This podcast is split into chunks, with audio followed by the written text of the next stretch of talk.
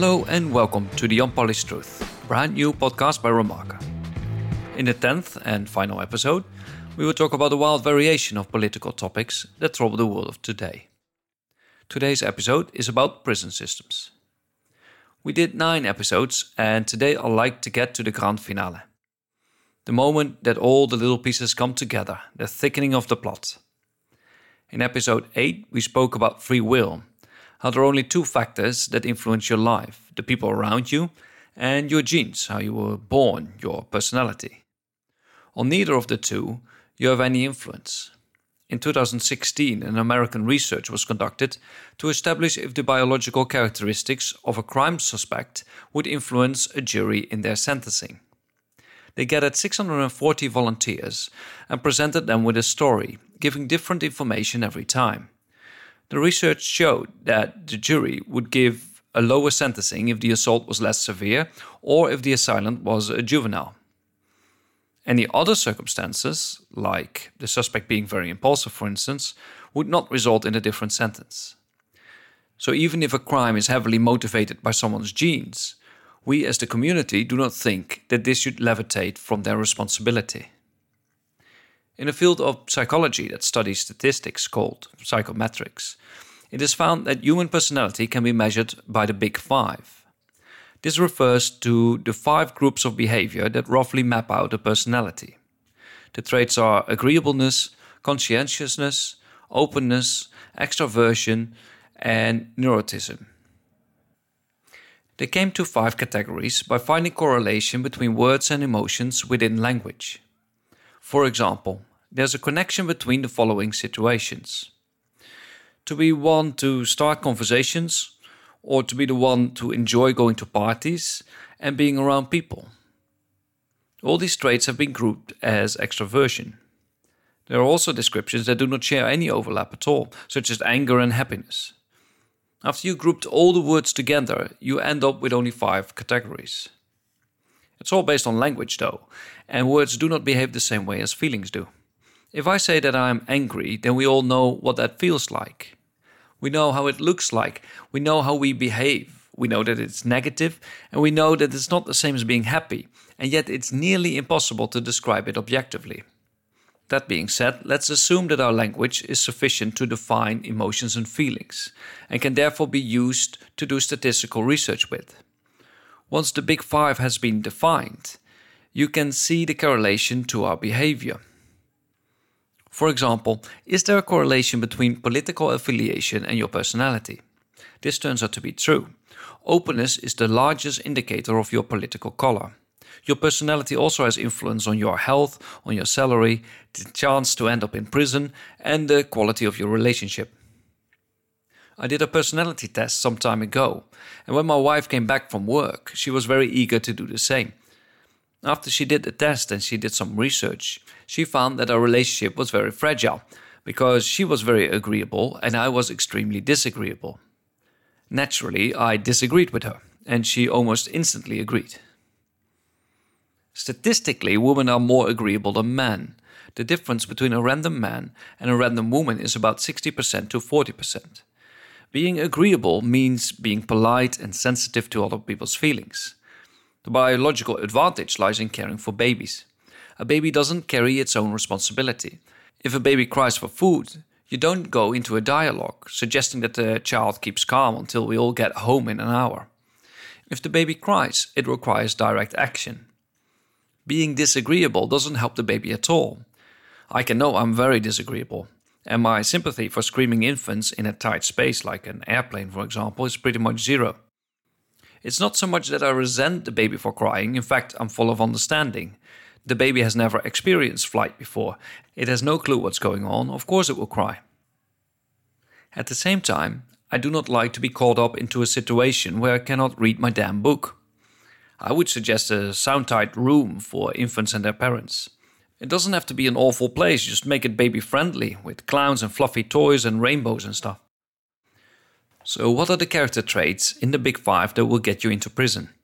The short answer is being extremely high in disagreeableness. These are people who are ruthless. They will not alter their course one bit for people standing in their way. They are impatient, unforgiving, and forceful. For the longest time, I wondered why men populate 90% of the prisons. What the hell is wrong with us? If the difference in disagreeableness is 60% to 40% between male and female, how does the prison population get to 90 to 10%? The problem was that I didn't understand exactly how disagreeable the average prisoner really is. They are so disagreeable, I seem rather modest in comparison. It is somewhere in around 2% of the most disagreeable people out there. If the statistic for agreeableness is a line in a graph, it should be bell shaped. Most people are somewhere in the middle, and very few on both ends, being super agreeable or super disagreeable. If you make another graph for females, you will have to offset the center a little bit to the right. People in prison aren't average at all, though. They can be found at the furthest end of the graph. Because the slight offset between the genders, the story is completely different at the furthest margins. In the small left side tail that represents 2% of the most disagreeable people, it will be almost exclusively men. It's one of those things that newspapers seem to mess up all the time. They are looking at a niche group of people and then they compare them to the statistic of everyone. And it's a very useful thing to understand if you ever end up in a conversation where minorities are being accused of being all criminals. The other factor that has great influence on crime rate is relative poverty. We spoke about that in the third podcast. If everyone in a place is equally poor and equally rich, the crime rates will be very low. If there's a big difference between being rich and poor, a certain group of people will feel like the game is rigged and they will take matters in their own hands. You will not be surprised to hear that this group consists mostly of young men. It is one of the reasons that makes the amounts of prisoners relative to the population in the United States so extremely high. In the Netherlands, 0.06% of the population is in prison. In Serbia, it is 0.15%, nearly three times as more. In the United States, it's 0.7%, that is 100 times more prisoners than in Holland. It is no coincidence that the United States is also the country with some of the highest relative poverty. The differences between rich and poor are enormous. Our hard wiring is optimized for a struggle for survival. In episode 2, we talked about the opposing interest of our biology and our society. We are wired to be very different from each other to adjust to new dangers, but those characteristics have no place within a peaceful society. In times of war, the value of our biological differences reveal themselves. In 1992, the Bosnian Serb army besieged Sarajevo for nearly four years. The early defense was bolstered by the unexpected help of several crime lords Juka, Cello, Cello, and Chacho. All of them former convicts running a gang. Their role in the early period of the siege was pivotal and recognized by the police and army, who entrusted them with the defense of the city. They were to be rewarded with official positions within the army and regarded as heroes by the inhabitants of Sarajevo. It wasn't made to last. Using the positions of power, they would reward themselves well, while the population was starving. Chacho took it upon himself to select civilian volunteers to dig tunnels to bypass the Bosnian Serb besiegers. During the period of the siege, everyone was commanded to continue their jobs. If you had no job of significance in a state of war, like a riot or an artist, you were digging. Currency had been replaced by cigarettes, and people would take considerable risks to obtain them running across Sniper Alley, a street to which the Serbian besiegers had a good vantage point and took the opportunity to shoot whoever was crossing it. It might be called an alley, but in reality it was a six lane boulevard. I guess Sniper Boulevard didn't have a ring to it. Chacho started to rounding up Serbian inhabitants of Sarajevo and slit their throats, dumping their bodies in a mass grave. Witnesses report that everyone knew, but no one dared to act against it. In 1993, the police could no longer stand idly by and took action. After a bloody struggle costing the lives of many police officers and civilian hostages, Chacho ended up dead. All the other warlords found their own violent deaths not long after the war. It's one of those complexities in life. We are wired for survival in extremely threatening situations. Some people are very effective at times of war, At the same time, they are obsolete in a peaceful society, or worse, they are monstrous. It's the story of Dostoevsky's Crime and Punishment. It's the story of the hero who struggles with poverty.